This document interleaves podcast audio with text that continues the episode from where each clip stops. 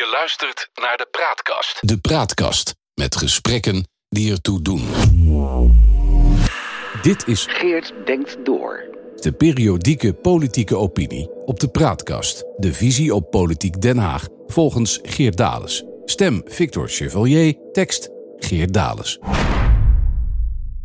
VVD-minister Connie Helder voor langdurige zorg en sport, VWS, gaat het niet verbrengen in de politiek. Haar probleem is niet dat ze oever- en richtingloos studeerde, scheikunde, gezondheidszorg, politicologie, maar geen studie afmaakte. Haar probleem is ook niet voor een ministerschap nogal magere cv. Evenmin is het probleem dat ze, eenmaal gezeten op het regeringspluche, de ballenverstand blijkt te hebben van de grondwettelijke verankerde actieve informatieplicht jegens de Tweede Kamer, waarvoor ze tijdens haar eerste grote Kamerdebat over de mondkapjeswendel terecht genadeloos op haar donder kreeg van Jesse Klaver. Het parlement is toch de bestuurskamer van zorginstelling Tante Louise in Bergen op Zoom niet, waar ze tot 2022 de scepter zwaaide. Nee, het echte probleem van Connie Helder is dat ze niet kan liegen. Tja, en dan kom je niet ver in de hedendaagse Haagse politiek. Want die zit vol met veinzende, valse en leugenachtige ratten. Onder leiding van de minister-president die bewezen heeft ook zijn hand niet om te draaien voor een stevige leugen als het hem maar vooruit helpt. Geen actieve herinnering is het mantra zodra betrapt. Of ik herinner mij dat anders. Ja, ik heb gelogen. En daaruit trek ik de bijbehorende conclusie. Zul je deze politieke gids nooit horen zeggen. Die man is over enkele maanden de langzittende Nederlandse minister-president ooit. Heel Nederland, behalve de 72 Kamerleden die op 7 april 2022 tegen de Partij voor de Arbeid motie van wantrouwen tegen minister Hugo de Jonge stemden, 52 stemden voor, dus 26 Kamerleden verzaakten hun plicht. Is boos en verontwaardigd dat de charlatan schaamteloos zijn ministeriële loopbaan kan voortzetten. Geen moment kwam in hem op dat zijn gedraai en gelieg in de kwestie Siewert een nieuwe en kolossale deuk sloeg in het gestaag dalende vertrouwen in de politiek. En een opstappen daaraan juist een geweldige positieve bijdrage had kunnen geven. Zeker als een motie van wantrouwen wel ruime steun, maar geen meerderheid haalt. De jongen zou zijn beroerde reputatie in één klap enorm hebben kunnen opwaarderen door dan toch te gaan. Ja, dat doet zo'n ijdele poseur natuurlijk nooit. Wat kan het hem schelen dat hij de belichaam is van alles dat mis en fout is in de politiek? Bloemschoenen aan en gaan met die banaan. De lachende gezichten, boksen en omhelzingen van coalitiegenoten voor liegende bewindspersonen na afloop van het debat waren een stuitende blijk van het DND dat dit kabinetslid en de 72 Kamerleden voelen voor het kiezerspubliek. Zelfs een deemoedig huiswaarts gaan zat er niet in. Ostentatief werd er gehighfived. Geen twijfel dat de jongen in de Sievertzaal loog dat hij barst. Maar het maakt niet uit. Van meet af aan was duidelijk dat hij gedekt werd door de coalitiepartijen. Wie ook maar één minuut D66-woordvoerder Wieke Paulusma aan het werk zag, kan de kreet nieuw leiderschap, die haar politieke leidsvrouw Sigrid Kaag zo graag in de mond neemt, nooit meer horen. Om over de onnozele CDA-lakij Joba van den Berg maar te zwijgen.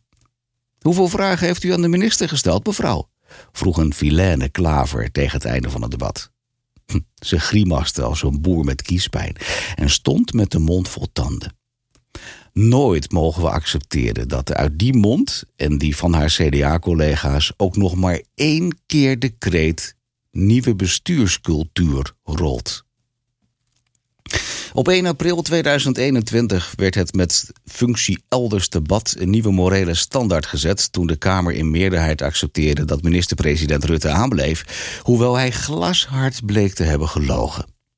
Die standaard van lage moraal werd op 10 januari 2022 krachtig bevestigd door het aantreden van Rutte 4. Het kabinet dat bestaat uit exact dezelfde partijen als die verantwoordelijk waren voor het toeslagenschandaal. Zelfs alle kopstukken van die partijen zijn weer present. Alsof het niks uitmaakt dat tienduizenden Nederlanders diep in de ellende zijn gebracht en Rutte 3 er zelfs voor was afgetreden. Fijnzen, bedriegen, liegen. Het is niet normaal, maar wel de Haagse politieke praktijk. Als een vreemdeling in Jeruzalem wandelt daarin nu Connie Helder rond. Zonder enig benul van praxis, mores en codes in dat universum. Haar optreden in het mondkapjesdebat werd een tenenkrommende blamage voor het ambt van politicus en minister. Ze kreeg alle hoeken van de Kamer te zien. En ze mocht van geluk spreken dat het haar debuut was, waardoor de Kamerleden enige mildheid aan de dag legden. Anders had ze meteen kunnen inpakken. En mijn voorspelling is dat ze niet lang meegaat. En niet primair omdat ze het vak niet verstaat, aandoende kan men leren, maar omdat ze niet bestand zou blijken tegen de rattenstreken en leugens die haar omringen. Deze enigszins wereldvreemde en onzekere novice heeft geen idee waarin ze terechtgekomen is. Dat ze zich al meteen door Hugo de Jonge in het pak liet naaien door mee te werken aan zijn wens om daags voor het debat een enorme hoeveelheid informatie naar de Kamer te sturen, waarvan ze zelf verklaarde dat het niet verstandig was, dat zei al genoeg. Doe het dan niet. Zeg tegen Hugo dat jij de minister voor langdurige zorg bent en dat hij de boom in kan. Dat ze zich volledig onbewust van de gevolgen de jongens privé-mailadres oplas toen ze uit een ambtelijk stuk citeerde en pas in de gaten kreeg wat ze deed toen de jongen ging stijgeren, was even hilarisch als zorgwekkend. Hoe makkelijk geeft die vrouw informatieprijs zodra omringd door handige ratten? Kijkend naar Connie Helder kreeg ik compassie met deze brekenbeen.